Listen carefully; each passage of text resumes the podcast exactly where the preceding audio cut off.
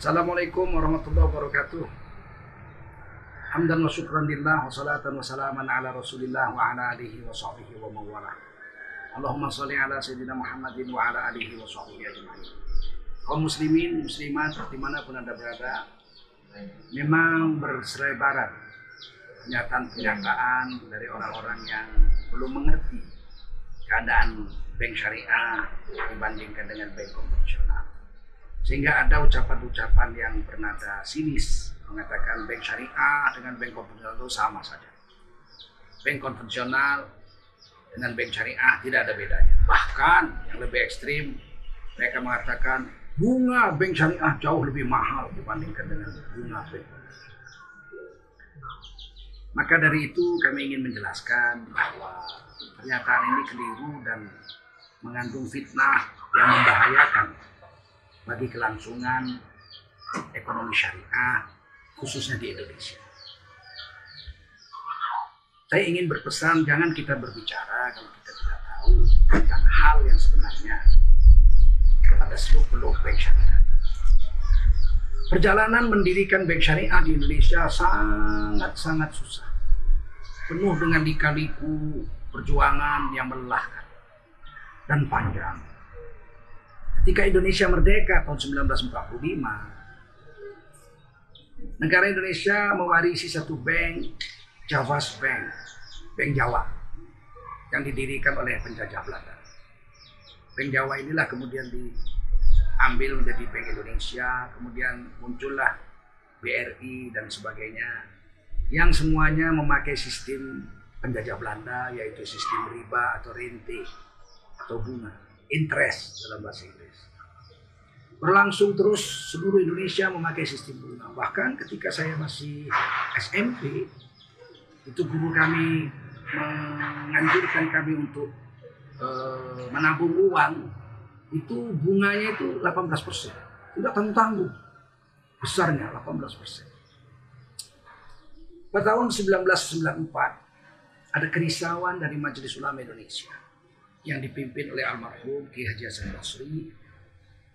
Akhirnya beliau dengan kawan-kawan semua waktu para ulama kita di MUI Majelis Ulama Indonesia Pusat memutuskan untuk membuat atau melahirkan membidani lahirnya sebuah bank syariah di Indonesia. Kemudian bekerja sama dengan ICMI, Ikatan Cendekiawan Muslim Indonesia. Ketuanya yang pertama adalah Profesor Dr. B.J. Habibie. Ketika itu beliau adalah Menteri Ristek, Riset dan Teknologi.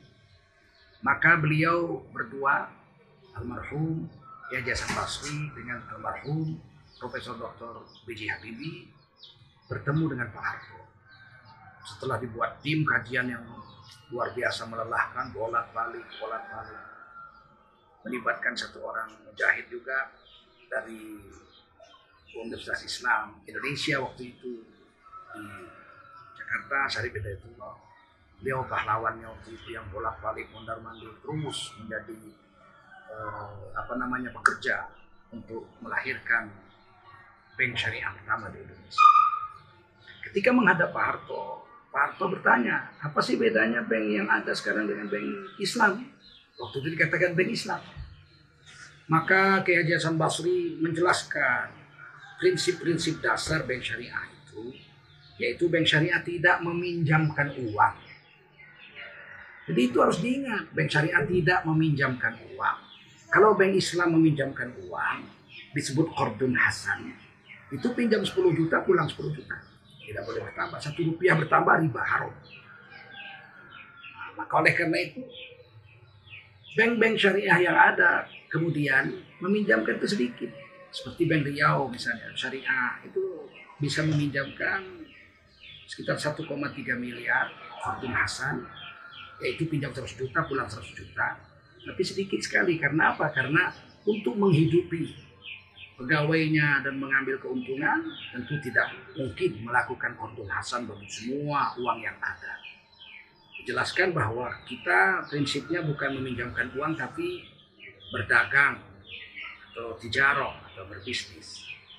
Prinsipnya kalau deposito biasanya memakai sistem mudorobah bagi hasil. Ini prinsip yang dibawa oleh Rasulullah SAW ketika Nabi berdagang ke Syam kali pertama di usia 25 tahun. Beliau membawa harta daripada Ibunda Khadijah radhiyallahu anha didagangkan di Syam, kemudian Nabi mendapat upah uh, daripada hasil yang diperoleh jadi mudorobah bagi hasil. Yang dalam bahasa Cina disebut cuan.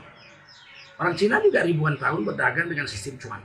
Lu orang mau jualan, tidak ada modal, gue kasih. Duit, duit gue, tapi lu dagang, lu yang kerja, terus gue dapat cuan berapa. Gue dapat bagi hasil berapa. Jadi sebenarnya prinsip ini prinsip yang manusiawi. Kemudian ada murabahah, yaitu prinsip jual beli yang pembiayaan. Misalnya nasabah mau beli rumah 200 juta tidak ada uang Nasabah hanya punya 50 juta. Dia datang ke bank Islam, bank syariah. Bank syariah membiayai. Membeli rumah itu dengan uang 150 juta. Si nasabah membeli rumah itu dengan 50 juta. Terbelilah rumah itu 200 juta. Maka kemudian mereka sudah bersyarikat, musyarakah, bersyarikat, berkongsi membeli rumah itu. 50 uang nasabah, 150 juta uang bank. Nah, dalam akadnya mereka bermusyarakah, bersarikat, berkongsi. Kemudian bank menjual bagiannya kepada nasabah itu. Anda boleh tinggal di rumah itu karena Anda punya uh, modal di situ, punya uh, uang di situ, punya uh, andil di situ 50 juta. Nah, bank punya andil 150 juta, suratnya dipegang bank. Tapi nasabah yang punya 50 juta boleh tinggal di rumah yang dikongsikan itu. Kemudian bank menjual bagiannya 150 juta bagian bank ini. Saya mau jual sama Anda, Anda mau beli nggak? Maka kata yang nasabah yang 50 juta andilnya ini dia bilang saya mau beli tapi nggak ada uang. Oke kita jual loh selama lima tahun. Anda cicil selama lima tahun yaitu 60 bulan. Kau sanggup belum gitu? Nah, kalau sanggup, ini 150 juta selama lima tahun kami jual kepada Anda 250 juta. Jadi selama 60 bulan atau lima tahun kami mengambil untung 100 juta. Oh setuju? Maka dibuatlah jual beli. Saham yang 150 itu dijual 250 juta, bank mendapat keuntungan 100 juta, sedangkan nasabah nanti pada saat 60 bulan dia mendapatkan 100% hak rumah. Tidak ada bunga di situ, tidak ada. 250 juta dibagi 60 bulan, maka itulah dicicil setiap bulan. Terjadi krisis moneter seperti 98 misalnya suku bunga bank naik atau nilai rupiah anjlok. Tidak ada urusan. Sebab mereka sudah jual beli diikat dengan perjanjian murabahah. Ini dijelaskan kepada Pak Harto dan Pak Harto senang sekali. Pak Harto katakan wah ini bagus sekali. Maka singkat cerita kemudian berdirilah bank Islam pertama di Indonesia itu Bank Muamalat dengan keputusan Presiden Soeharto. Karena belum ada undang-undang yang membolehkan atau membackup menyokong berdirinya bank syariah. Diberi namanya bank muamalat karena yang bermuamalat, bertransaksi ekonomi itu adalah orang Islam. Dan muamalat itu seperempat daripada syariat Islam. Seperempat rubuk ibadah, seperempat lagi rubuk muamalat, seperempat rubuk munakahat, dan seperempat lagi adalah rubuk jinayat atau hukum ahkam pidana. Berdirilah tahun 1994 Bank Syariah pertama di Indonesia, Bank Muamalat tapi tidak berkembang karena belum ada undang-undang. Setelah reformasi pada tahun 2001, peraturan Bank Indonesia dikeluarkan untuk membuat bank syariah. Dan kemudian keluar undang-undang negara adanya bank syariah di Indonesia. Dengan kewajiban menjalankan atau mentaati fatwa-fatwa yang dibuat oleh Dewan Syariah Nasional Majelis Ulama Indonesia maka kemudian berdirilah bank-bank syariah menjamur di seluruh Indonesia. Semua bank sudah punya apakah yang mandiri seperti bank muamalat atau yang Windows seperti bank syariah mandiri, buka jendela-jendela, bank BRI syariah, bank bank BNI syariah dan lain-lain dan lain-lain. Mereka wajib patuh dengan Dewan Syariah Nasional Majelis Ulama Indonesia itu bunyi. Nah, ada 116 fatwa sekarang tentang keuangan syariah bank kah, asuransi kah, syariah kah, arbitrase syariah sudah ada dibuat oleh Dewan Syariah Nasional Majelis Ulama Indonesia. Dan bank syariah sekarang sudah memiliki aset lebih daripada 300 triliun. Satu rupiah pun. Majelis Ulama Indonesia tidak mendapat royalti atas fatwa-fatwa yang menjadi dasar bekerjanya bank-bank syariah seluruh Indonesia. Dan sampai sekarang bank syariah juga tidak berpikir. Bank-bank syariah yang ada itu untuk memberikan hadiah mungkin kepada MUI satu persen dari keuntungan. satu persen saja dari keuntungan bersih net profit. Belum ada. Seandainya itu terjadi satu persen saja dari keuntungan bank-bank syariah dihadiahkan kepada MUI karena Dewan Syariah Nasional lah yang membuat semua pekerjaan mereka bisa berjalan. Fatwa dasar. Dasar kerja mereka itu fatwa MUI Dewan Syariah Nasional niscaya MUI tidak mengalami nasib seperti sekarang ini sudah 74 tahun merdeka Majelis Ulama Indonesia Pusat tidak punya kantor masih menumpang di negara Republik Indonesia yang 230 juta rakyatnya dari 267 juta adalah orang Islam memang tragis sangat tragis Sementara organisasi-organisasi yang lain-lain, Pramuka, KNPI, dan lain-lain sudah punya kantor sendiri-sendiri. Kita masih lupa. Dan difitnah kita terima uang triliunan dari sertifikasi halal selama ini. Saya ingin mengajak tuan-tuan berpikir rasional, waras, waras. Kalau MUI punya uang triliunan dari sertifikasi halal, kami sudah beli gedung-gedung yang ada di Jalan Tamrin. Kami sewakan itu udah kaya raya MUI sampai tujuh keturunan sampai hari kiamat. Buat apa tujuh? Kalau triliunan mau disimpan di mana? Di bank ketahuan sama PPATK. Disimpan di kasur, diambil istri kita, diambil anak kita. Di mana coba? Kadang-kadang ini orang-orang tukang fitnah ini nggak waras berpikir. Asal-asal bicara saja. Kalau triliunan duit MUI kita belilah. Gedung-gedung di jalan Rasuna Said, gedung-gedung di jalan Tamrin, jalan Sudirman, kita sewa-sewakan. Kita kaya. Atau kita pinjamkan pemerintah daripada utang sama Cina kena riba besar, utang sama MUI aja untuk bangun jalan tol dan lain-lain. Nah, ini semoga pemikiran waras ini bisa disampaikan kepada seluruh tukang fitnah di Indonesia. Bahwa MUI sampai sekarang itu miskin. Dan kami nggak ngemis-ngemis. Minta royalti bagi fatwa-fatwa yang telah membuat bank-bank syariah Indonesia itu punya aset lebih daripada 300 triliun. Nah, saudara-saudara yang mulia, prinsip-prinsip di bank syariah ini tidak ada bunga. Wa halallahu al-bai'a wa harramar riba. Allah menghalalkan jual beli dan mengharamkan riba. Perlu Anda ketahui bahwa kalau Anda datang ke bank syariah, buang dari akal Anda meminjam. Bank syariah tidak meminjamkan uang. Bank syariah membiayai. Dengan sistem merobah kan dan lain-lain dan lain-lain produk-produk yang ada. Maka saudara-saudara yang mulia, hapus dari angan-angan kita bahwa bank syariah itu punya bunga, bahkan bunganya lebih mahal daripada bank konvensional. Yang kedua, bank syariah itu dikatakan bunganya mahal. Kalaupun sistem murabahah, hmm, pembiayaan tapi keuntungannya terlalu besar. Lebih murah pakai bank-bank yang uh, riba. Riba itu biar satu rupiah haram. Biar satu rupiah haram kalau riba. Dan dosa riba seperti berzina dengan ibu kandung sendiri.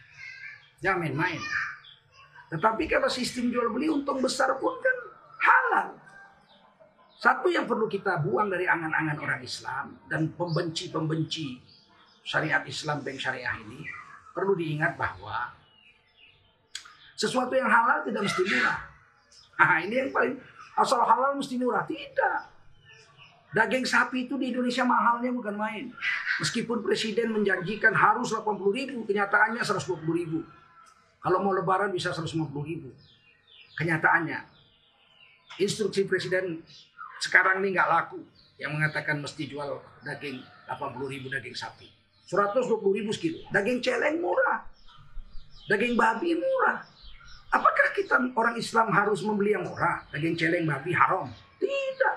Meskipun mahal kita memilih sapi. Karena Islam ini bukan soal murah atau mahalnya, tetapi yang penting halalnya. Halalnya itu yang penting. Kulu mimma fil ardi halalan tayyiban. Makanlah kamu. Apa-apa yang di bumi ini yang halal lagi baik. Bukan yang murah. Nggak ada di seluruh Allah. Makanlah yang murah. Ini yang perlu dipahamkan. Ini, ini banyak fitnah-fitnah yang orang Islam sendiri kadang-kadang terbawa rendong. Ikut hanyut menjelek-jelekkan syariat Islam, menjelek-jelekkan bank syariah yang mana diridhoi Allah dan Rasul tetapi dijelek-jelekkan karena katanya mahal menikah. Menikah tuh mahal. Paling enggak uang mahar uang saksi kemudian buku nikah ah, kemudian undangan oh, tempat tidur meja rias dan lain-lain. Paling enggak 30 juta 20 juta habis. Zina sekarang gratis bisa gratis zina. Zina di bawah pohon pisang gratis. Apakah kita sekarang kalaupun bayar 100 ribu 200 ribu sudah dapat zina apakah kita mau yang murah zina tidak kita mau yang halal walau mahal nah, oleh karena itu camkan dua garis ini bank syariah tidak meminjamkan uang tapi berniaga dengan cara yang diiridhoi oleh Allah dan Rasul mengikut sunnah Rasulullah SAW. Yang kedua, yang halal itu tidak mesti murah. Orang Islam bukan memakan dan meminum dan memakai yang yang murah, tetapi memakai yang halal dan togib yang baik. Demikian saya Tengku Zulkarnain. Mudah-mudahan ada manfaat apa yang kita bicarakan hari ini menjawab pertanyaan saudara kita. Wassalamualaikum warahmatullahi wabarakatuh.